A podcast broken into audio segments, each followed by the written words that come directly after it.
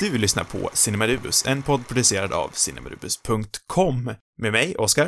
Och med mig, Sam.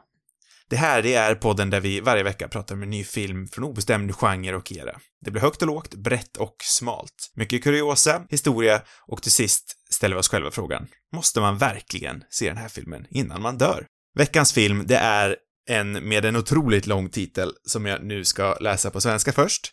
Mordet på Jesse James av ynkryggen Robert Ford. Ska jag även försöka mig på den på engelska, eller vad tycker du?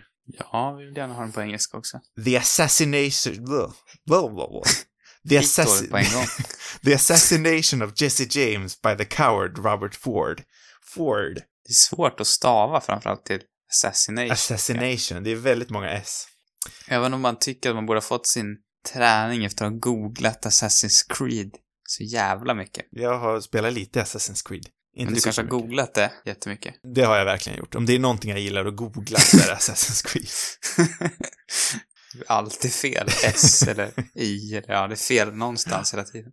Vill du att jag ska berätta vad den handlar om också? Ja, först tänkte jag nämna att den är regisserad av Andrew Dominic, en eh, nyzeeländsk kar, eller ja, nyzeeländsk, australiensisk kar. Och den Mm. kom även ut i Sverige den 30 november 2007. Nu Mm. kan du gärna få förklara för mig vad den här filmen handlar om. För jag förstod inte. Du förstod inte? Nej. Du sa Nej. så förra veckan, det tyckte jag var väldigt kul, det ska jag fortsätta med.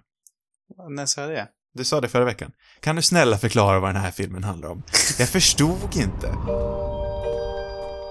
Can't believe I'm sitting with none other than Jesse James. Many's the night I stayed up, my eyes open, my mouth open, just reading about your escapades. They're all lies, you know. Ehm, jag förstår inte hur jag ska förklara vad den här filmen handlar om. Nej, det, jo, den här är ganska enkel. Den här liksom har hela handlingen i titeln på något vis. Mm. Den handlar om den, den unge Robert Ford och den legendariske bankrånaren Jesse James. Och eh, den här unge Ford som spelas av Casey Affleck, han ser ju upp något ofantligt till Jesse James som spelas av Brad Pitt. Och det kan man även tänka sig att Casey Affleck ser upp till Brad Pitt eh, i verkligheten. Ja, man kan ju alltid Ehm, hoppas. Ja, men det tror jag. Det kan vi räkna med. Eh, Så Robert Ford, han, eller Jesse James är ju Robert Fords stora idol, så att det är ju en dröm att få gå med i hans bankrånarliga.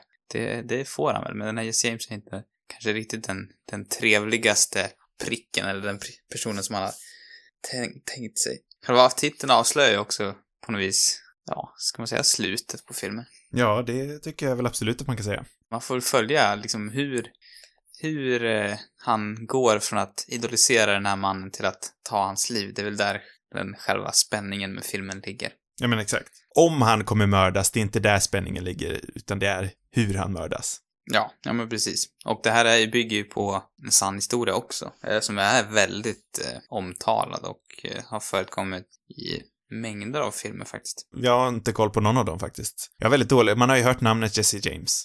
Ja, jag var förvånad över hur många filmer det fanns. Eh, nu vet jag inte om jag hade hur många. Jag tror det är typ så här 20, att han förekommit i typ 20 Oj, shit. stycken. Om, det är både tv-serier och filmer då som räknas då, men, men det finns några av ganska kända regissörer faktiskt som jag blev förvånad över. Så den första, om vi tar en liten kort historia Ja, av, av Jesse på. James på film. Så om jag har förstått rätt så är de, de två första filmerna som porträtterade honom kom samma år, eller redan 1939. Oj! Eh, varav en hette just Jesse James. Och den hade faktiskt Henry Fonda i en av rollerna. Jag vet inte Mm. om han spelade... Aha, ja, Henry Fonda verkar spela Frank James, alltså Jesse James äldre bror. Han spelar eh, Sam Shepards roll. Exakt. Exakt. Ja, men det kan jag se Ja. ändå.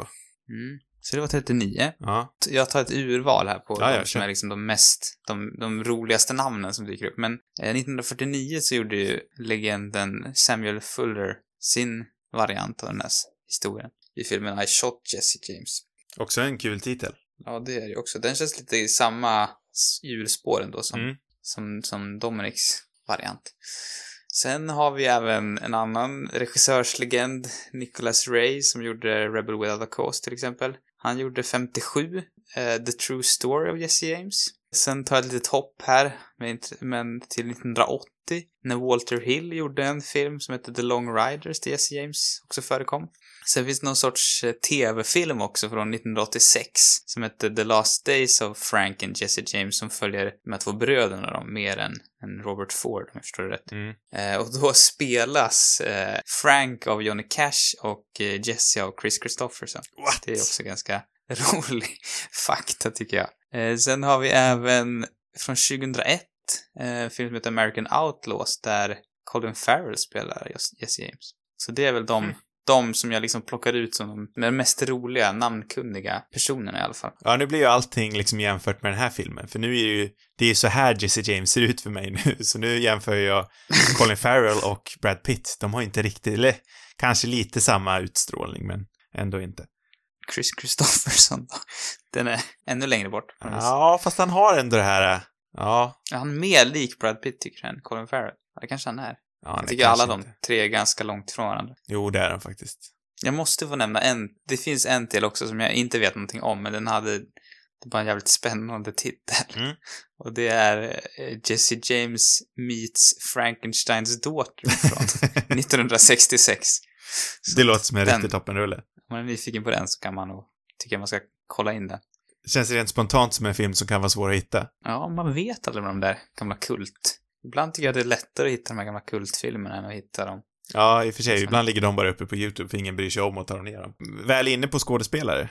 Ja, Vi har ju en drös, eh, idag, superkändisar i den här Mm. filmen. Eh, år 2007 så var de väl kanske kändisar, men inte superkändisar.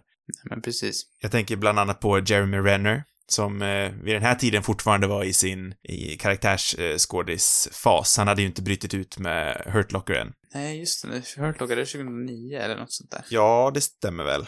Eh, sen har vi även Sam Rockwell, som Mm. alldeles för länge var en sån här bortglömd eh, karaktärsskådis som ingen riktigt, som alla tog för givet liksom. Mm. Eh, Sam Shepard som nämnt, eh, Casey Affleck och Brad Pitt såklart. De är lite mer etablerade ändå. Absolut, vi, även vid det här laget liksom.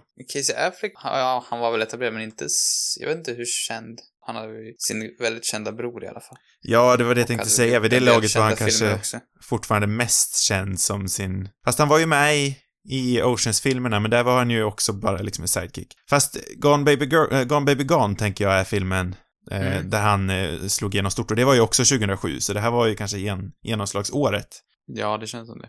För Casey Affleck. Jag tycker också det är roligt med Mary Louise Parker som spelar C, eh, Mm. Jesse James fru. Hon känner mig igen från den här tv-serien, vad heter den? Weeds. Weeds, som ja. gick på sexan. Jag har inte sett den någon gång, men, men den, var- det var, den har liksom så kraftfull, den där postern på något sätt. Den har ändå satt ett, ett så starkt spår. Ja, men jag såg lite på Weeds faktiskt när det begav sig, men jag kan inte säga att det var någon fan direkt, men det... Hon är, hon är, hon är bra på den rollen i alla fall. Hon är ju bra här också i det lilla hon har. Ja, det är inte, det är ingen jätteroll direkt. Nej, vi har ju eh, också några andra skådespelare som inte är så kända som jag verkligen tycker om. Eh, Jesse James har ju sin grupp här, sin eh, tjuvliga, kan vi kalla den för det. Mm. Eh, där, Det, och de heter The James Younger Gang, va? det gör de säkert. Jag tror det. De heter så på riktigt i alla fall. Ja, det, är- så heter de säkert i filmen också. eh, det, är- det är väldigt många sådana här karaktärer. Jag, jag hade, ska jag vara ärlig så hade jag lite svårt att och, eh, hålla isär dem. Mm. Eh, för det är väldigt mycket prat om varandra. Ja, jag hade också det problemet. Jag fattade, det var, nu minns inte jag vem det var av dem, men det var en av de här som jag bara aldrig förstod. Eller jag förstod väl till slut, men jag var så osäker på vad fan är det där? Nej men för det är en de nämner också som jag inte ens tror dyker upp. För jag, jag ska vara ärlig och säga att jag satt med IMDB uppe när jag såg den här filmen. För jag var tvungen att gå emellan och pass. se. Just det, ja, det var, det var han som hette så ja. Just det, just det. Eh, och det är ju någon de letar efter eh, när, eh, hur ser vi? Det är ju Brad Pitt, det är ju Jesse James och eh, undrar om det var Dick, Dick Little som eh, besökte en gård ute på prärien så visar det sig att det är en ung pojke som är där och eh, människan de söker har inte varit där sedan augusti eller något sånt där och nu är det november. Vet du vilken Mm. scen jag pratar om? Ja, när, när han ger sig på den här lilla grabben. Exakt. Då, karaktären de söker då, jag hängde inte riktigt med på vem det var. För jag tror inte att det är någon Nej. av, jag tror inte vi ser honom någonsin. Nej, Och- det är ett ganska stort gäng också i den här liksom första tågrånarscenen. det är ändå ett, en, ett rejält gäng som är, eller som egentligen, man fattar inte riktigt att de är där i början när de är, när de förbereder sig, men sen när man ser själva rånet så, så, så är det ganska många med. Kanske är någon av dem, tänker jag. Kanske. Men den här öppningsscenen som vi kan gå in på nu, den tycker jag faktiskt är riktigt bra på att etablera eh, de här huvudsakliga karaktärerna som vi sen eh, till stor del följer genom filmen. Mm, mm. Eh, för där har vi Brad Pitt, Casey Affleck, Sam Shepard, eh, Sam Rockwell, Jeremy Renner, Garrett Dillahunt, Paul Schneider, eh, ja, det är väl de Ja. huvudsakligen, eh, som ingår i den här ligan och som sen följer genom filmen. Mm. Och jag tycker den scenen är faktiskt riktigt bra på att etablera vem som är vem, vilken roll de spelar i gruppen och vilka som inte går ihop med varandra. Ja. Eh. Och hela filmen lever ju någonstans på grund av den scenen efteråt. Det är också ett så här häftigt sätt på något vis att introducera alla, tycker jag. Mm. Det känns naturligt också. Det, det där hörde jag, jag tror det var när jag lyssnade på, på Roger Deakins eh, podcast som han har, att han pratade om att, att eh, det var mycket som var liksom improviserat i de där tidiga scenerna i Mm. skogen där när de, de pratar med varandra, typ. De, de berättar liksom om kvinnor de har legat med och det är någon Ja. så här historia om någon prostituerad och så vidare. Och mycket av det där var liksom improviserat om jag förstod det rätt. Så Jaha. att det, det är också lite häftigt tycker jag. Roger Deakins har ju för övrigt eh, fotograferat den här filmen. Fotograferat. Ja, det kanske filmen. vi ska säga innan jag bara slänger in någon Roger här mitt i smeten. Ja, precis. Roger, den legendariska filmfotografen. I särklass. Den, eh, jag kommer nog säga den bästa fotografen som jobbar. Jo, men kanske. Om man ska... Det, jag har så alltid svårt att välja någon, men absolut, han är definitivt en av de vassaste och framförallt kanske den mysigaste. Mm.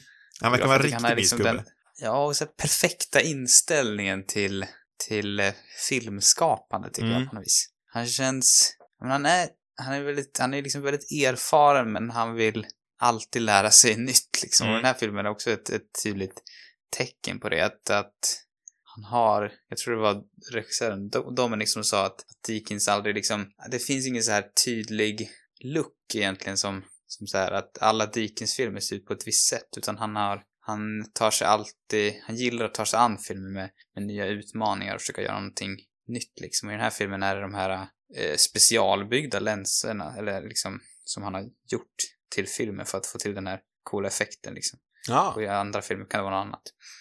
När jag tänker Deakins, jag har faktiskt en tydlig liksom bild jag ser framför mig och det är ju just mörker med eld Mm. och eh, skuggorna eh, som eh, kommer tack vare det. Eh, det är någonting jag tänker genomgående i alla fall. Eh, jag tänker... Jo, men han, har- så han har ju saker han är väldigt bra på som han kanske ändå... Alltså, jag, jag, jag, håller väl, jag håller väl inte helt med att han inte har någon, någon stil, alltså någon sån tydlig, men det är kanske mer att han, han vågar utmana sig hela tiden. Mm. Jo, jo. nya grejer liksom. Ja, alltså han har ju, det är ju inte ett signum att han har eh, mörker och eld i varenda film. Så är det ju absolut inte. Nej. Nej, jag tänker ändå att det är ett återkommande tema liksom, för jag, jag ser tydligt eh, 1917 framför mig. Eh, Skyfall sker det väl också i sista akten. I den här, i början, så är det mycket mörker och eld.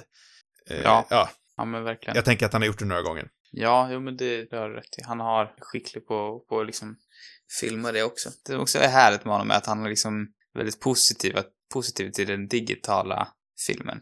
Det är kul. Ja, och nej, men det är liksom, för det är ändå många i Hollywood ändå, alltså, eller man har absolut av de här liksom framstående regissörerna så är det många som, som pratar väldigt mycket om att det analoga format och att det ska bevaras, och det tycker ju såklart jag också är, är viktigt. Men det är också härligt att höra någon som liksom, så här, ja det finns faktiskt jäkligt mycket fördelar med att, göra det digitalt och vi kan testa, alltså det tyder också på att han vill testa nya saker hela tiden och att han vill utvecklas, att han inte bara liksom så här står fast vid att, vid att eh, filma analogt, utan han har liksom gått vidare från det och ser, typ, ja men i den här, i den här filmen är ju filmad analogt, men han pratar också om det i sin podd, hade han gjort till exempel den här Lite, han snackade om varför den här scenen med tåget som är så klassisk när, när de ska råna tåget i, och det är liksom helt mörker. Mm. Hade han, hade han filmat den idag så hade de förmodligen kunnat dra mycket mer i, i ljus och kanske liksom kunna ljusat upp den. Nu, I det här fallet blir det också det som blir bra, liksom att den är så mörk. Ja, för det är jättesnyggt när de åker förbi så ser man de här vita maskerna på alla i ligan. Ja.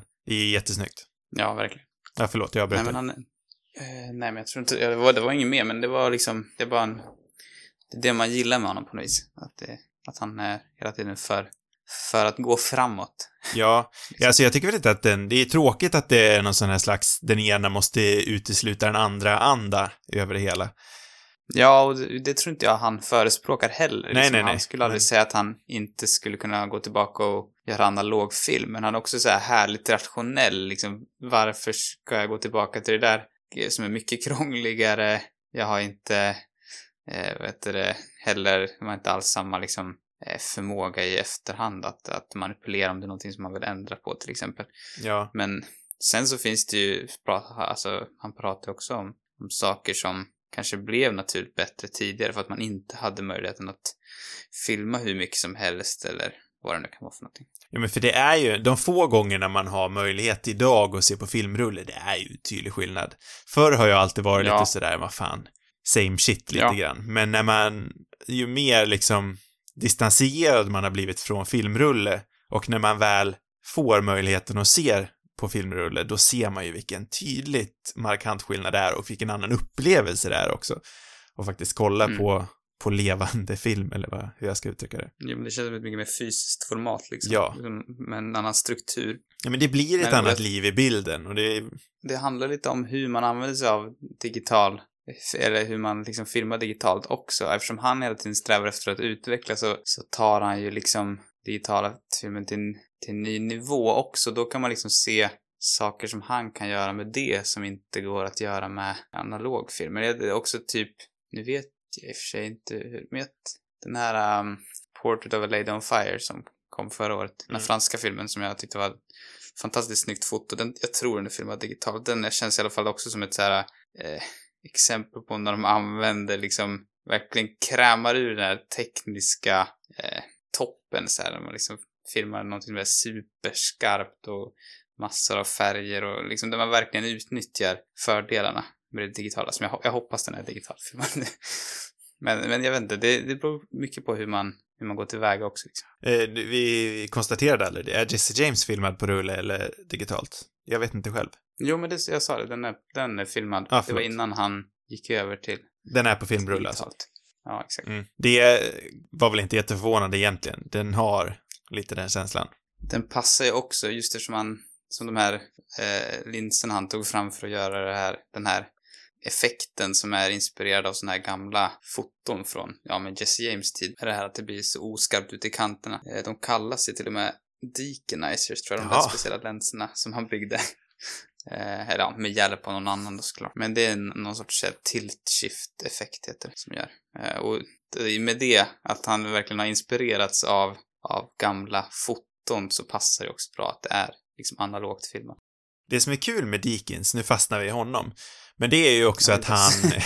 eh, men det är relevant, för han har ju ändå filmat den här filmen och vi har inte snackat Ja, om honom verkligen. innan i den här podden, tror jag. Är det här första Deakins-filmen vi ser? Ehm, jag Kän- vet Känns inte. ju nästan omöjligt, men vi har inte snackat om honom i detalj i alla fall. Det är ju att han ändå liksom jobbar med relativt okända filmskapare ibland. Mm. För han är ju the cream of the crop. Han är ju bäst, den bästa av de bästa. Men ändå jobbar den här med Andrew Dominic som bara hade gjort en, visserligen väldigt hyllad film i Australien, men han var ju inte ett etablerat namn i Hollywood. Nej, nej. Och då är det ändå kul att han liksom jobbar med honom och eh, han jobbade ju även med Denis Villeneuve tidigt. Villeneuve, ja. ja. Villeneuve. Ja, men jag, han är nog väldigt noga också med liksom hur han väljer sina projekt och jag tror att eftersom han har den statusen så kan han, han har liksom inget problem att välja bort de största om han känner att, att det kanske inte är ett manus han som intresserar honom eller om det är eh, ja, bara ett arbetsklimat han inte gillar. Han känns liksom mån om att ha det trevligt på jobbet. Jag tror det är därför han liksom också har jobbat med, med Conan-bröderna typ, ja, hur länge som helst. Där har vi förresten en film som han har filmat. Du vet den här, den här ganska tidiga Conan-filmen. Vad heter den? Nej, Conan säger jag. Coen menar jag såklart. Ja, eh, Barton Fink. Ja, exakt. Det var Okej. nog en av hans, jag vet inte om det var första Coen-filmen han filmade eller om det var, ja, kanske hade gjort någon innan dess. Men. Så han har ju typ gjort alla deras filmer sedan dess nästan. Ja, han har jobbat frekvent med dem, för han böt, han böt ju ut eh, eh, deras tidigare fotograf som också, Barry Sonnenfeld. Mm. som sen gick och blev eh, regissör i egen rätt. Eh, men det kan ju också ha att göra någonting med att, eh, med producenten, Mm. tänker jag, som är huvudkaraktären i den här filmen. Eh, Brad Pitt är ju en av eh, de huvudsakliga, eller den huvudsakliga anledningen till varför Andrew Dominic fick den här möjligheten att bryta igenom i Hollywood. Ja. Eh, för han hade gjort en film innan, eh, Chopper i Australien, som jag nämnde, som blev eh, väldigt hyllad, vann, han vann bästa regissör där och eh, Eric Bana vann, värst, vann eh, värsta skådis, vann bästa skådis i deras Mm. motsvarighet till Guldbaggen eller till Oscars. Eh, och då såg ju Brad Pitt den här filmen, tyckte väldigt mycket om den. Och det visade sig också att han har ju nyligen startat ett produktionsbolag tillsammans med sin då eh, fru Jennifer Aniston. Mm. Eh, som senare antingen blev utputtad eller valde att eh, sluta när de skilde sig. Så Brad Pitt såg ju den här filmen och eh, tyckte väldigt mycket om Andrew Dominic och valde då också att eh, fråga honom. Har du något projekt som du kanske vill jobba på i framtiden? För han jobbade ju tillsammans med Eric Bana som som sagt vann eh, bästa skådis tack vare Andrew Dominic. De jobbade ihop på filmen Troy. Ja. Troja, som var den första filmen eh, Pitts eh, bolag Plan B producerade. Mm. Och där så frågade ju Brad Pitt, oh, den här eh, Andrew Dominic, hur är det han? Tycker du att vi borde jobba ihop? Och så på så vis eh, knöts ju kontakten. Är det där också för att, jag tycker, för att, eh, jag vet inte, Scott, Ridley Scott och Tony Scott är också med som producent på den här filmen. Mm. Har, är de, vänta, nej, vänta, vem är det som har gjort? Nej, det är inte Är Tony Scott också med? Jag trodde bara det var Ridley, men det kanske är Tony. Tony står som exekutiv, men... Okej, ja. Eller vet inte vem är det som har gjort Troy, förresten? Eh, Det är ju eh, tysken, Ja, så han har ingenting med Eh. den att göra. vänta, vad heter han? Wolfgang, Wolfgang Petersen. Precis. Han har inte producerat den. Det känns som en sån här äh, Ridley Scott-film på något vis. Ja, jag tror bara att det är för att eh, Gladiator och Kingdom of Heaven kom ut runt den tiden, så man tänker att Ridley och, san- och Ja, svärd och sandaler, de går hand i hand. Men så var det inte. Ja, Utan det var helt Nej. Brad Pitts förtjänst. typiskt. Han är, de är fortfarande med här, Scott-bröderna. Det är väl också en ganska kreddig producent. Jo, men det är det. Men eh, de eh, skulle jag tro, tro i alla fall kom in efter Brad Pitt, för Pitt är ju, som nämnt, en väldigt essentiell del till varför den här filmen blev gjord. Och Pitt är ju faktiskt, tror det eller ej, men han är ju en otroligt skarp producent och han, han vann ju sin första Oscar som producent snarare än skådis. När gjorde han det egentligen? Eh, 12 years a slave vann ju bästa Oscar. Eller vann bästa Oscar, vann bästa film. Han hade inte, just han hade inte vunnit någon Oscar innan dess. Nej, precis. Så han vann ju en Oscar som producent för den och sen så fick han ju för bästa biroll, va? Visst vann han förra året? Eller i år? Mm. Eller minns jag fel? Så då fick han ju sin första skådespelare-Oscar. Han har varit nominerad för sig några gånger tidigare, men han har inte vunnit. Nej, precis.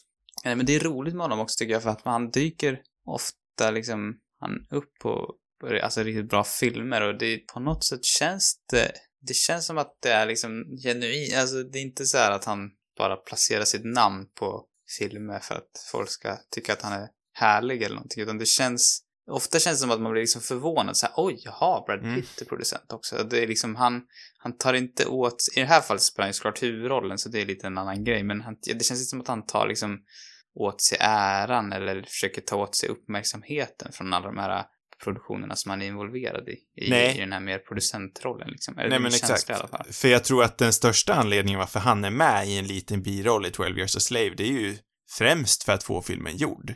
Mm. För om han, en av de största stjärnorna i världen, är med i filmen, ja men då är det ju mycket lättare att få finansiering. Och Mm. där är hans värde som producent också. Ja. Eh, det finns ju flera sådana här skådespelare som faktiskt är skarpa producenter. Eh, Margot Robbie är ju en ny, Mm. som också är väldigt skarp på att producera. Eh, med hennes produktionsbolag Lucky Chap. Sen har man ju till exempel också Adam Sandler som, som har sitt eget produktionsbolag, men han gör ju bara sina egna grejer. Så han kan få åka på semester med sina polare. Eh, men eh, nog om producenter, kanske. Eh, vi eh, har ju knappt pratat om filmen. Knappt om filmen och knappt om Andrew Dominic heller. Jag vet inte, ska vi Nej, ta oss an nog om filmen? producenter, nog om filmare. Alla så här sidor. Vi har inte snackat några, vi har inte snackat uh, Casey Affleck än. Nej. Det kanske Men, är vart- dags att snacka lite om filmen och sen kan vi kanske komma in på Dominic igen. Eller vad säger du? Det tycker jag låter som en strålande plan. Mm. Det är som du säger en rätt eh, ja, hur ska vi, vi har kommit in på det här förr, hur ska man beskriva det? Alltså, det är ju inte den, den mest liksom expansiva handlingen. Nej, den är ganska småskalig liksom. Det är mycket liksom eh, klaustrofobiska scener där, där spänningen dras ut i liksom slutna rum. De sitter egentligen och pratar väldigt mycket. Det är inte Ja. en cowboysa-film där det sker jättemycket skjutningar på hästar direkt. Nej, det är verkligen inte den klassiska cowboysa-filmen i den bemärkelsen, eller westernfilmen, utan som, och det har också Dominic själv sagt tror jag, att, att det är ju mer egentligen som en, en viktoriansk film, eller vad man ska säga. Alltså, det hade lika gärna kunnat varit så här London under 1800-talet som, eller det hade det inte kunnat vara för det finns massa aspekter som, är, som fortfarande finns där från, från den här klassiska westernfilmen, men men de utspelas ändå mer i, i den här stadsmiljö. Och det skiljer sig ändå från den här klassiska westernfilmen som oftast är liksom mera ute på prärien, eller vad man ska säga. Ja, men exakt. För jag tror han var mycket mån. Jag såg något klipp där han snackade om att han ville inte ha massa tunnor. Tunnor förekommer överallt i westernfilmer. Jag vet inte, Ja. har du sett samma klipp kanske? Nej, jag, nej, det känner jag inte igen. Nej, han ville inte ha tunnor i sina scener i alla fall. Barrels. Ja. Eh, utan han ville ha det här lite viktorianska looken så som det faktiskt såg ut då. Det, för western, eh, den amerikanska western såg inte ut så som vi i populärkultur har fått den berättad för oss. Nej, nej exakt. Och det är också, alltså i en klassisk, och det kan jag tänka mig förekommer i, i många av de här andra filmatiseringarna som fanns tidigare, så hade man ju liksom gjort mer Jesse James till den här eh, legendariska tågrånaren och fått följa honom mer i såna, liksom, på sådana äventyr. Här följer vi istället eh, Casey Affleck som är liksom den här blyga, lite undliga, ganska hårt åtgångna eh, han är väl den lilla, jag tror han är liksom minstingbrorsan i en ganska stor eh, syskonskara och han har liksom den här, eh, ja men nästan till obehagliga besattheten med, med Jesse James. Eh, och så är det egentligen hans resa man får följa mer och deras relation liksom och eh, ja men Jesse James han sitter ju mest på en stol typ och är otrevlig mot folk. Eller vad man ska säga. Han, han gör ju inte speciellt ormar. mycket äventyrliga grejer som Nej. det är verkligen så här anti mot vad, hur folk såg på Jesse James i, i ja, men under den tiden, eller som de alltid har sett på Jesse James kanske. Det här blir liksom Ja, från den andra, det här blir från Robert Fords perspektiv helt enkelt, och då blir det ju väldigt lite av den här klassiska westernfilmen. Jo, för det är ju också lite poängen med filmen, liksom att eh, som du säger, vi ser det ur Robert Fords perspektiv och han har ju alltid växt upp med den här bilden av att Jesse James, han är större än livet, han är en legend, för han har läst om honom i böcker. Mm. Eh, men när vi väl ser Jesse James i verkligheten så ser vi att mycket bara skrönor. Han är, Ja. ja, han är som, inte som vem som helst, men han är inte så speciell. Nej, Eh, och den besvikelsen och, eh, ja, den besvikelsen blir ju då påtaglig för honom. Ja, och det är så tydligt också att, att, att Afflecks karaktär, eller Robert Ford, han är liksom så, alltså hela hans liv har ju liksom kretsat kring Jesse James. Det är liksom hans Mm. enda, det, på något vis är det all, allt han någonsin har haft. Han har liksom haft det rätt tufft liksom. Och när den så här bilden inte riktigt stämmer med vad han har tänkt sig så är det som att hela hans värld på något sätt fallerar. Och det är så, därför blir det så väldigt liksom, eh, ja men det är så lätt att sympatisera med honom eh, på samma gång som han också är liksom så här på gräns, eller så han är verkligen för mycket också så att det är liksom, det går också att Alltså det, det känns som att det finns ändå någon sorts, man känner också en sympati kring Jesse James för att han är ju ändå liksom schysst på sätt och vis mot den här, jag vet inte. Alltså jag kände, hade jag själv varit Jesse James till exempel så hade man ju ledsnat på den här besatta unga Ja, killen. Liksom, ganska snabbt. Han är ju, Ja. han är, för, han är liksom obehagligt personlig från första början Mm. och det etableras också Mm. i den här tidiga scenen. Så det, det, jag tycker dynamiken där mellan de två karaktärerna är otroligt spännande liksom. Jo, men eh, Robert Ford är ju en väldigt intressant karaktär. För att Mm. jämföra han med en mycket mer poppig karaktär som jag kan tänka mig att fler människor har sett, är ju Syndrome, skurken i, i Pixar-filmen Superhjältarna. Eller The Incredibles. Han, han kommer inte jag ens ihåg. Nej, men han är, lite grann, men ja. skurken i den filmen är ju i princip samma sak. Han har idoliserat eh, den här legenden hela sitt liv. Och när de möts till slut och blir eh, tillbakavisad av hjälten, eh, Mm. så blir ju besvikelsen påtaglig och eh, det utvecklas till någon slags förakt. Ja, det var så länge sedan jag såg den filmen. Det låt... Jag kommer inte ihåg så mycket liksom, men nu när du beskriver det låter den ju jävligt bra ändå, måste man Ja, det, är, det är exakt samma karaktär och eh, den, eh, det är ju inte en stereotyp, men den liksom mallen är ju väldigt bra. Det är ju, en, det är ju, det är ju en klassisk superskurks eh, origin det här. Ja, men han är mycket mer liksom sympatisk, tycker jag. Mm. Jo, det är ju det som är så bra. Det här är ju ingen superhjältefilm, utan det här är ju väldigt mycket en seriös eh, film som strävar att vara realistisk i den mån det går. Eh, Ja, och det känns... Men man har ju sett den här berättelsen förr i Superskurkar till exempel. Ja, men man har liksom inte... Det känns inte som att man sett den här berättelsen i, i western-genren Nej. tidigare. Och man har det aldrig känns sett det så här, eh, man har aldrig sett det så här mångfacetterat heller. Man har aldrig sett det utvecklat till den här nivån. Nej, nej. Eh, För här vi dyker ju verkligen in i hans psyke Mm. på sätt och vis. Men jag tycker också det är lite konstigt eh, på sätt och vis att, eh, som du sa, han är den yngsta i den här syskonskaran. Mm. Och eh, bekräftelsebehov är väl sällan någonting man brukar förknippa med, med sladdbarnet. Det är väl ofta liksom mittenbarnet som har det här bekräftelsebehovet. Den yngsta är ju den som har fått all uppmärksamhet. Som har blivit bortskämd och fått för mycket sånt. Sen var det kanske annorlunda under eh, 1800-talet. Säkert. Men jag vet, ja, jo, del, delvis kan det säkert vara så, men, men eh, det finns ju också i det här, alltså, jag är inget minsta syskon så jag vet inte, men, men jag, jag tror absolut om man eh, har liksom, jag vet inte om man hade sju brorsor, men alltså, det var- vet, den här nedtryckta minskningen, jag vet inte, du vet att man inte har, det är ändå, jag tycker ändå att det är väldigt typiskt också för, jag tror absolut om man är liksom, växer upp och är lite mindre och svagare än, Mm. och så har man jätte, och så har man flera liksom äldre bröder som är liksom tuffa och hela tiden liksom på något sätt trycker ner en när man ska leva upp till. Så att eh, det, jag vet inte. Jo, ja, absolut. Det sker säkert det med. Men i, i mina ögon så är i alla fall eh, den direkta bilden av minstingen i gänget, det är att det blir den bortskämda liksom. Mm. Men Ja, nej, sen, inte. alltså bara för att det är så, ja, det kan ju bli annorlunda såklart. Det är nog olika i alla familjer också. Ja, och det är ju ingen kritik mot filmen direkt. Det, det är ingenting jag stör mig på att, fan han ska ju vara bortskämd, vad är det här för skit? det, det gör mig ingenting alls, det var bara en tanke jag hade.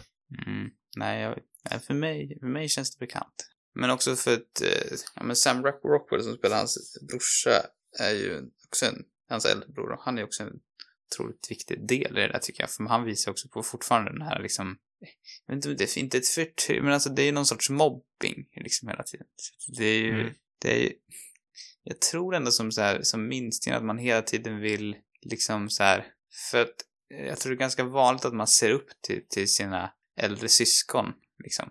Mm. Och eh, man vill liksom ha deras eh, bekräftelse på något vis. Eller jag, jag, jag tänker att det ofta kan vara så i alla fall. Och om man inte får det, om man hela tiden blir eh, nedtryckt så, så, så kanske man söker liksom på något sätt den bekräftelsen någon annanstans istället. Och det, och det är därför han har den här väldigt speciella relationen. För det känns som att han, han vill liksom att, att Jesse James, han ser honom nästan som någon sorts storebror på något vis. Eller det känns som att han är liksom väldigt, eh, ja, det är därför den, det blir så starkt eftersom han inte riktigt har fått den typen av bekräftelse från, ja, hans, kanske, ja, ja men hans bröder till exempel. Ja, alltså det påminner ju lite om hur jag tänker att det är i djur, djurriket. Ja. Där är det ju nog mycket så att den, den yngsta svaga blir liksom utputtad. Och det finns ju en poäng, nu ska jag vara lite elak mot Casey Affleck, Ja. Men det, jag tycker det är väldigt bra rollsättning att de sätter just han i den här rollen. Som, för han är ju väldigt spinkig liksom och han har lite, lite urholkat obehagligt utseende. Ja, och också ett ett sätt att liksom föra sig, tycker jag. Alltså, Mm. han spelar, det känns som han spelar ofta den här, liksom lite åt det här hållet, den här karaktären. Mm. Det är bara att det här är liksom det extremaste av det extrema som han har gjort, på något vis. Men, men han är ju perfekt i, i den här rollen och han har alltid varit Mm. liksom den andra brodern, det är alltid hans bror Ben Han är ju även det i verkligheten. Ja, men precis. Ben Affleck har alltid varit liksom den stora stjärnan och han har varit Mm. den här lite mer speciella lillebrorsan typ som inte riktigt, ja. Nej, men det, det, Ja. det är ju väldigt så. Och de känns också som de har det där klassiska så här att, eh, att han, Ben är den stora, starka och han är liksom lite... Ja, det kan man definitivt inte säga, säga med mig och min bror. Där är det liksom snarare tvärtom, att han som är lillebror är den starkare, större liksom. Och jag är lite spinkigare, urholkade. så att det finns ju andra och alltså andra, jag vet inte vad det gör med psyket. Min tystnad säger mer än vad mina ord någonsin kunde göra. Ja, nej, men det, det, det är i alla fall, han, han är i alla fall väldigt liksom rätt för den här rollen.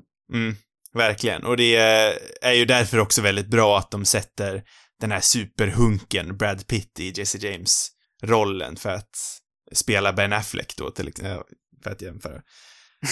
eh, de har liksom samma aura, de har ju den här hjälte, ja men den här människan man liksom direkt vill se upp till.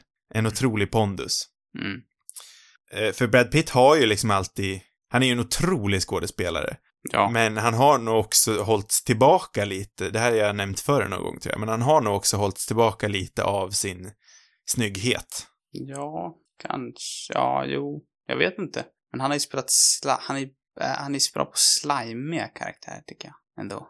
Ja, det är, för det är ju när han gör det som han är som bäst. Det kanske är det att han måste gå till det här lite slimiga för att den här, liksom... Ja, det, alltså, det är jag skulle inte säga att det är något problem för han vid det här laget 2007, men jag tror att han har kämpat väldigt mycket i alla fall.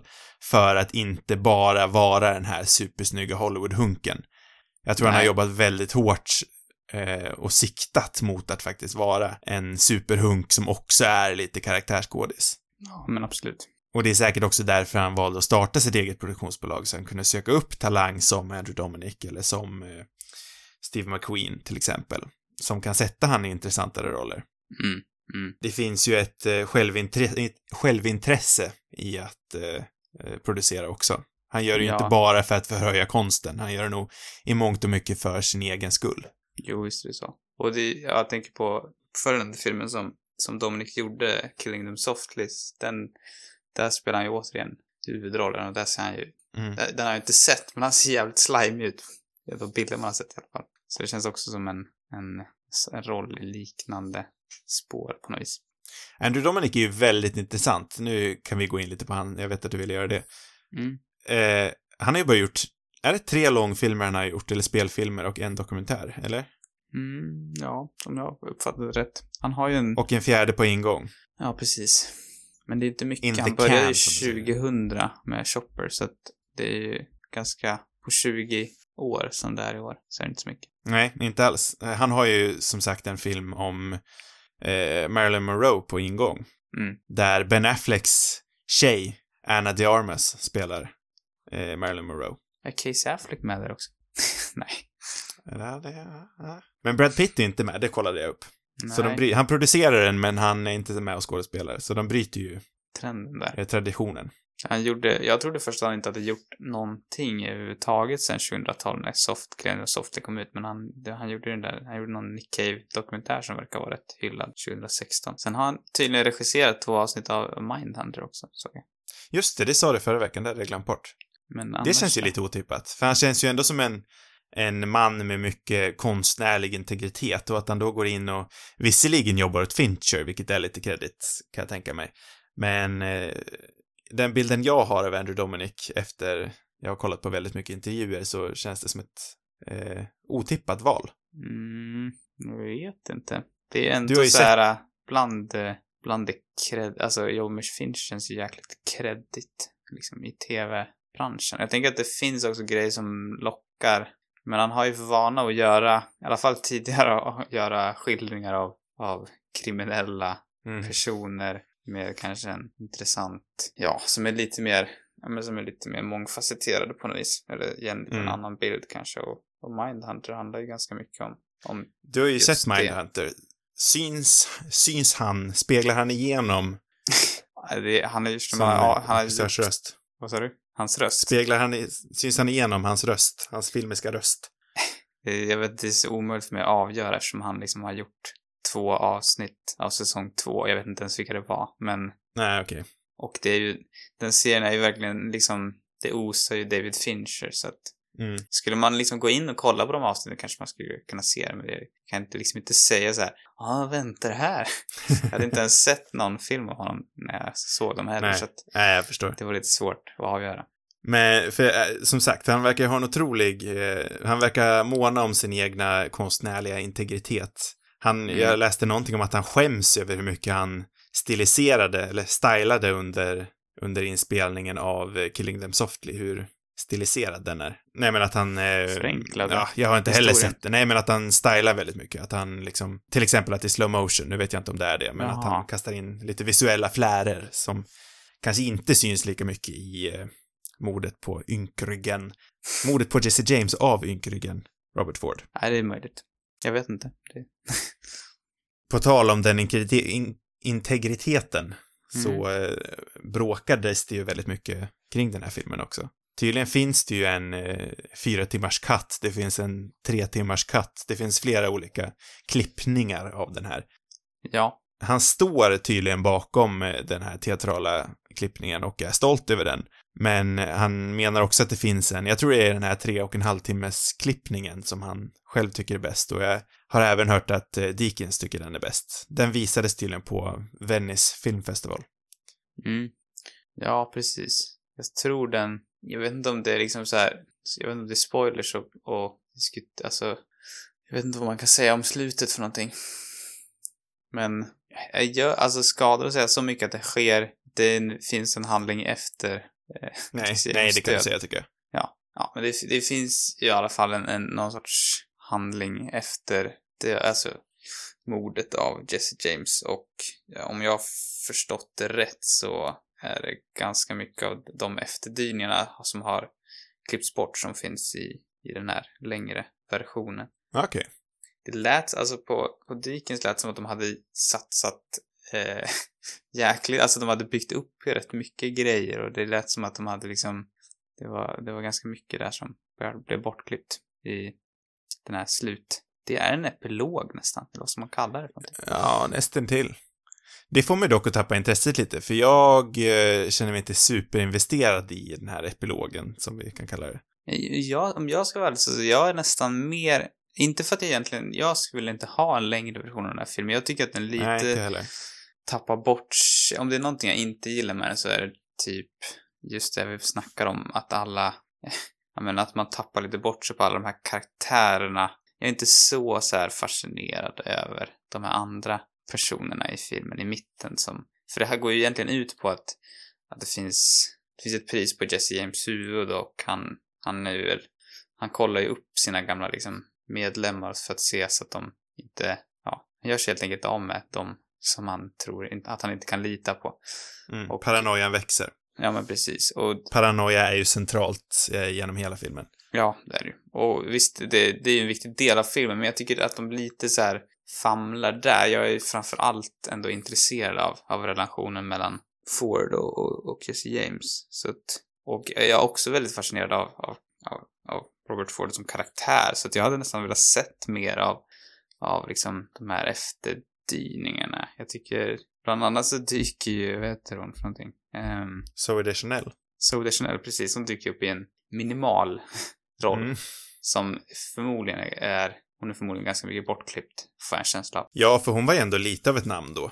Precis, och det, det men jag, jag hade faktiskt velat sett, jag hade kunnat tänka mig att se lite mer av det och kanske, i och för sig, det finns ju också ett syfte med att den är, ja, den kanske skulle vara längre ändå. För att jag vill, man vill ju inte klippa bort, det är egentligen, det är bra att den är lång ändå tycker jag, för att det är, man vill se hur, hur den här relationen mellan de två männen liksom utvecklas med tiden. Mm. Mm. Men eh, det kanske hade, kanske bara hade kunnat hänt något annat lite grann på något vis. Svårt, Ja, men jag tycker att också att det finns en poäng i längden. Eh, för paranoia, som vi nu kommer in lite på, är ju som sagt ett, ja men det är genomgående från sekund ett egentligen. Och paranoia är ju en sån där känsla som jag tycker blir som bäst eh, förmedlad när en scen är lång. Mm. För det är ju otroligt spännande i vissa scener när Brad Pitt, som du säger, söker upp en, eh, en, eh, en medlem i den här ligan. Får kolla upp om, om de har svikit honom. Och så spelar, för han, han spelar ju aldrig, han lägger ju aldrig fram sina kort. Han håller dem väldigt nära bröstet. Mm. Och eh, spänningen bara växer och växer och växer och växer och man ser liksom hur paranoian växer. Dels genom, i Brad Pitt genom hela filmen, men paranoian växer inom den, eh, den han pratar med under den här scenen. Så vi har liksom två parallella paranoior som växer i olika fart. Och det är snyggt liksom vägt. Ja, men precis. Eh, har du en eh, favoritkaraktär i den här ligan? Eh, Bland de här kända skådisarna. man känner ju väldigt mycket för, för Affleck, även fast han är rätt jävla dryg. Eller liksom för, för nära inpå hela tiden. Sen, så Sam Rockwell är ju, alltså han är ju alltid så otroligt älskvärd, även fast han är ett, ja men ett, ett fegt jävla svin i den här filmen, egentligen. Alltså, han är liksom sämsta storebrorsan ändå, måste man ju säga. Mm. Han är liksom, han mobbar sin lillebror genom hela filmen egentligen och han är ju liksom så här den härliga snubben men egentligen så här bara, jag vet inte, han mobbar också honom för att vara vek och svag men i, i själva Mm. verket så är det han som är veka och svaga Precis. som inte vågar stå upp för sig själv. Men ändå så är ju Rockwell, alltså han är ju alltid, han är ju charmig ändå liksom. Så, Det är också så, synd att han inte får chans att dansa i den här filmen. Inte, vad tänker du på då för någonting?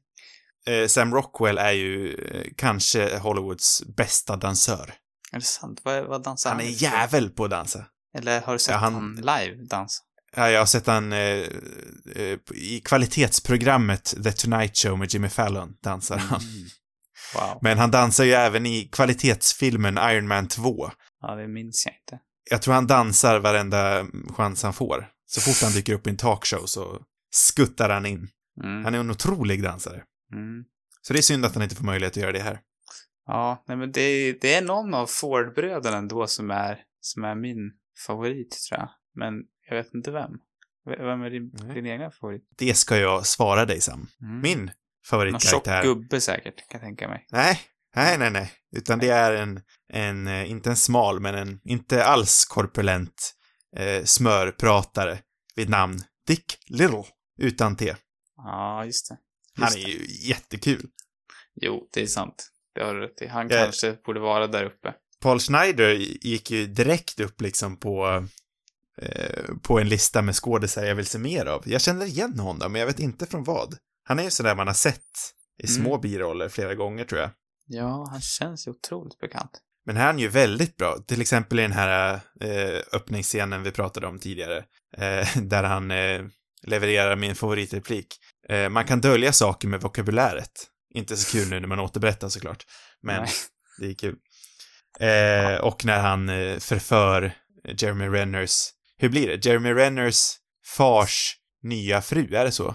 Ja, jag tror det. Jo, Ja, är han, är, han är en smörpratare som kan prata sig igenom det mesta. Jag tycker han är väldigt, han är väldigt bra i den här filmen. Ja, jo, men jag, kan- jag, jag kan hålla med. Det kanske är han som är den bästa ändå, i slutändan. Annars finns det ju han som ser lite ut som Bill Hader, tycker jag. Fast gammal. Ser lite Ja. ut som Bill Hader fast gammal. eh, alltså Ed Miller. Garrett Dillahunt. Jaha, ja, den beskrivningen håller jag inte med dig om. Det är någonting jätte... Ja, jag tycker det. Ja, ja. Nej, jag håller inte med dig. Nej, nej. Ja, nej, han, han Jag är hoppas också de är väldigt bra. släkt nu. Det tror jag inte att den är. Vet du vad vi också borde nämna, tycker jag, som en viktig del av det här, för att också få in en, en annan Ossi. Nu är inte, eller jag vet inte vad man ska säga egentligen om, om Andrew Dominic. Han är född på Nya Zeeland, men han, i alla fall enligt Wikipedia så flyttade han till Australien när han var två år, så han känns Mm. som att han är ganska mycket australiensare. Mm. Någonstans där, en, en, en kar från Oceanien.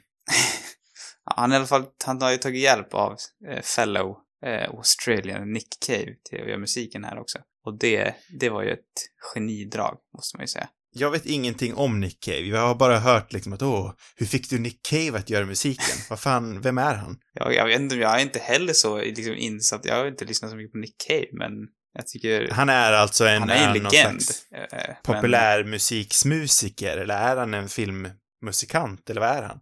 Nej, han gör väl, vad, jag vet inte vad han gör han för, vad kallar man hans? Jag vet inte vad jag ska placera han är för fack om jag ska vara ärlig, men nej, han gör ju inte till film, utan det, han gör ju, ja, populärmusik om vi vill använda det ordet. Men här, Ja, han har musiken ju, är ju oavsett väldigt bra. Det är ja, han skulle göra bara den där låten tror jag som han är med i slutet och på en bar och spelar. Men sen så blev det hela filmen om jag förstått det rätt.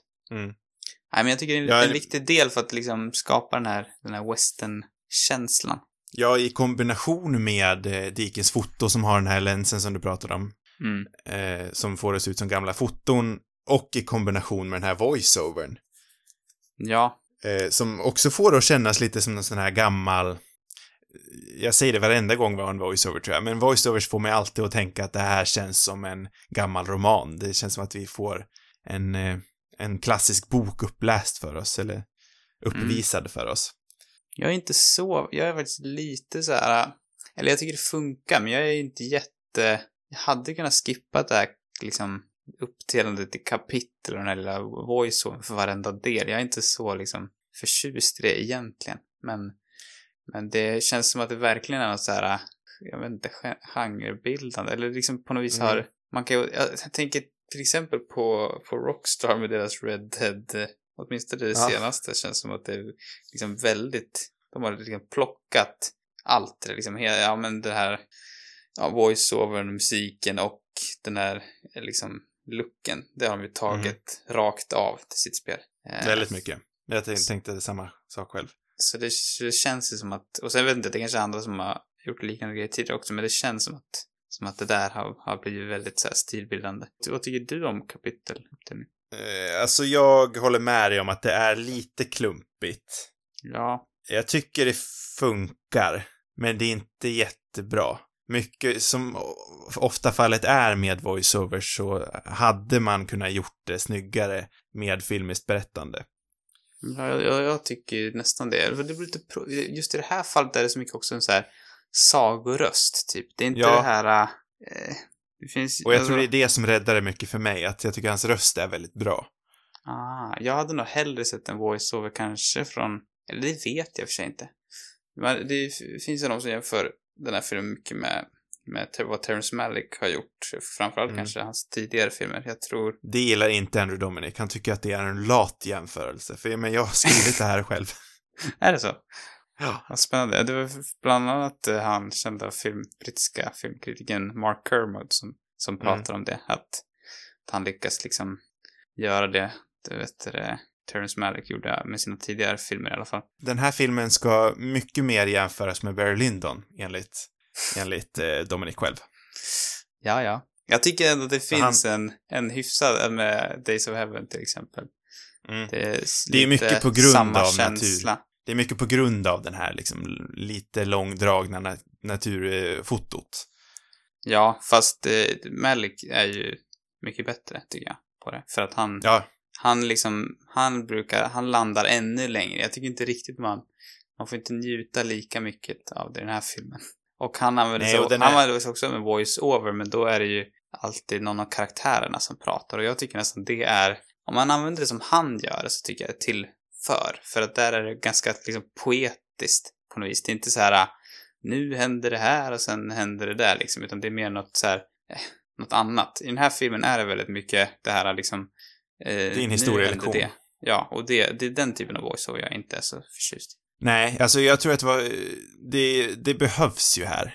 Eftersom scen, det är liksom inte en eh, linjär handling är kanske fel beskrivning, men det är inte en, eh, en, eh, ja, vad ska man säga, det är inte en, eh, eh, ja, alltså det är ju en handling som hoppar väldigt mycket. Den går från den här långa scenen i ett rum, sen så hoppar den till en annan. Och hade vi bara gjort det utan den här historielektionen emellan så hade man ju kanske varit ännu mer lost. Mm. Det är inte sådär supermycket att den eh, tar ett naturligt trappsteg från scen till scen. Och jag, man undrar ju om det finns någon slags klippning av den här filmen utan be- berättarrösten. Det är så kanske det Eller- är. Det kan ju vara att de ville ha, att studion eller någon vill ha mer av det. Fast det känns ändå som att det är ganska så här, genomtänkt att det ska vara med. Men jag tycker det funkar, men, men det är som du säger, det är lite väl mycket historielektion. Ja, jag, hade, jag tror att man hade kunnat gjort det utan det också, faktiskt. Men det är, det är lite mys också, för det är just då de använder de här coola filtren också, som mest. Eh, och de ville de tydligen från början använda mycket mer, men, men då, studion hatade dem det. Och det kanske, kan jag kanske också säga, känna att det kanske är tur att de inte använder dem för mycket, men lite mer hade man gärna sett. Eh, lite intressant kuriosa när vi nämnde Maliks namn som ger mig en snygg övergång. Mm. Det är att eh, de visade ju faktiskt den här filmen till Terrence Malick. Hur de nu... Jag, jag tänker inte att, åh, Terrence Malick, vi visar filmen för honom. Han, han är så eh, övernaturlig på något sätt. Han finns inte liksom. Det är det går inte att Existerar få tag på honom. Det känns som att han Precis. är någonstans med en filmkamera på någon Eterisk, han, ja, han Mitt bara är. mm. Eh, men de lyckades i alla fall fånga in honom i två och en halv timme och visade den här filmen för honom. Eh, och det roliga är att Terrence Malick tycker att den här filmen är för långdragen och för långsam. Det roliga är att jag är typ, jag är också redo att hålla med lite där. Jag, tror är att också den villig att lite- hålla med, men det känns så, eh, så långsökt av Terrence Malick att säga att en film är för långsam. Han är ju inte, all- alltså, Malik är väl kanske långsam ibland, men inte, det, det är liksom bara betyder långsam egentligen. Så är det ju. Jag alltså de känns ju inte långsamma, hans filmer. Nej, precis. Men det gör ju den här, så det har ju absolut med en känsla att göra, mer än, än eh, den faktiska längden. Ja. Allting har ju liksom med klippningen och tempot och berättelsen och, ja. Han har ju inte lagt två år på att klippa den här heller. Eller tre, eller fyra, eller vad det nu brukar vara. Fast de har lagt ner mycket tid, det tror jag. Just eftersom de bråkade så mycket om vilken klippning det skulle vara. Har du någon eh, besläktad rekommendation den här veckan? Har du en? Ja, nu hamnar jag ju på western-spåret. Eh, det finns en, en ganska ny westernfilm som heter Slow West. Mm, med eh. Cody Smith McPhee och Fassbender och då inte så känd, tror jag, vad heter han nu Ben Mendelsohn. Som jag tycker faktiskt var, i alla fall som jag minns var, var riktigt bra och också lite, kanske mer traditionell westernfilm men ändå någonting lite annorlunda. Eh, och den känns ganska förbisedd, eller jag vet inte, den känns inte som att den nådde någon större publik direkt. Så det är nog mitt tips. Sen upptäckte jag också, eftersom jag var lite fascinerad, men det här är inte en film jag sett, men när jag kollade på Nick Cave så insåg jag att han har gjort musiken även till en annan westernfilm som han dessutom har skrivit manuset till. Eh, Okej. Och den utspelar sig liksom i den australiensiska western, eller vad man ska kalla det. Om man det så det blir fel kanske. Den amerikanska eastern. The Outback. Ja, exakt. Ehm, The Proposition från 2005. Så det, den ser lite spännande ut med Ray Winstone och Guy Pearce och Emily Watson. Så det är en sån här riktig, riktig australiensarfilm, tänker jag. Jag hade ju, det är ju eh, väldigt dålig besläktad rekommendation, men jag hade ju faktiskt tänkt nämna Red Dead, att Red Dead 2 då, att det känns som att det har tagit väldigt mycket ifrån den här. Men behöver man rekommendera Red Dead Redemption 2? Det tror jag inte. Kanske inte. Eh, sen har jag ju även, jag nämnde ju superhjältarna, eller The Incredibles, om man vill se en annan film som, eh, som faktiskt kom ut innan den här och som har eh, nästintill samma berättelse när det kommer till avundsjuka och, eh, eh och den här liksom skurken som, som kräver ett tillkännagivande. Så den skulle man också kunna, re- kunna rekommendera. Det är ju en mer oväntad rekommendation, men det gillar jag ju nästan mer än... Då är superhjältarna min rekommendation. Ja, för min är lite mer tråkigt uppenbart. Det finns inte, det är bara en westernfilm och den här filmen är inte ens så mycket westernfilm så den är, det är nästan så att din är mindre långsökt egentligen. Ja, kanske, jag vet inte. Steven Schneider, Sam, Mm. Han eh, tycker faktiskt inte att man måste se den här filmen innan man dör.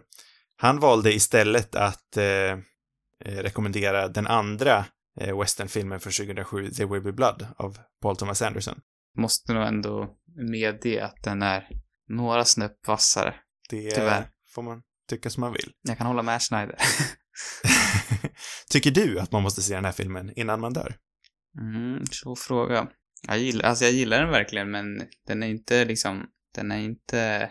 Jag hade väldigt höga förväntningar på den här. Eller Jag har sett fram emot den länge och det är, det är ju lite av en... Den har ju liksom växt med åren. Den var ju ingen Mm. vidare... Det var ju riktig flopp liksom på, på bio när den kom ut, även om kritikerna var, gillade den. Och sen har den nog fått lite av ett, men ett, ja men, vad säger man? Revival. Ja, men En många... återuppståndelse. Ja, men många cineaster känns som har liksom Mm. hyllat den här. Så man blev ju sugen på den och det, just med det här fotot och, och, och allting. Men den höll inte riktigt för vad jag, vad jag hade hoppats vid ändå, tycker jag, om jag ska vara ärlig. Så Och när man, när man tänker på There Will Be Blood, den skulle jag nog, eller den kan man med säkerhet säga, redan spoila om vi någon gång pratar om den, men den, den hör ju definitivt hemma där på måste se när man dör. Den här tycker jag inte riktigt gör det. Ja, nej, jag kan ju sticka ut foten lite med There Will Be Blood, men det tar vi någon gång i framtiden. Eh, mm. Jag tycker nog inte att man måste se den här filmen innan man dör, men den är bra.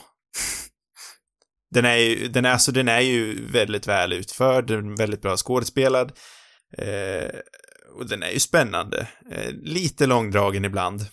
Eh, men eh, alltså, ja, den är bra. Jag tror inte jag kommer tänka så supermycket på den. Jag är nog också lite besviken. För som du säger, man har ju hört mycket om den här då genom åren. Den har mm. ju som sagt växt i anseende mycket. Mm. Men den lever inte riktigt upp till det för mig heller, så nej, jag tycker inte att man måste se den innan man dör. Typiskt. Tänk alltså, Tyvärr. No Country for Old Men kom också ut 2007. Också en modern westernfilm. Ja, bra år. Jäkla bra år alltså. Nästa film vi ska se på, det är ju egentligen mitt val, men eh, nu är det ju också lite så här speciella jul slash nyårstider, så nästa avsnitt, det kommer faktiskt bli en specialare och min film. Den kommer till känna ges eh, då, eh, lite närmare in på eh, när avsnittet faktiskt släpps. Håll ett öga öppet i poddflödet för att se vilken spännande avsnittsidé vi kommer på. Fler avsnitt, de hittar ni på cinemarubus.com eller i eh, lite olika poddappar. Den poddappen du föredrar, helt enkelt. Sociala medier, det har vi också. Där heter vi Cinemarubus på Instagram och Twitter. Har ni frågor och vill ha svar, eller kanske ett förslag, då skickar ni in det till cinemarubus.gmail.com. God natt, Sam. God natt.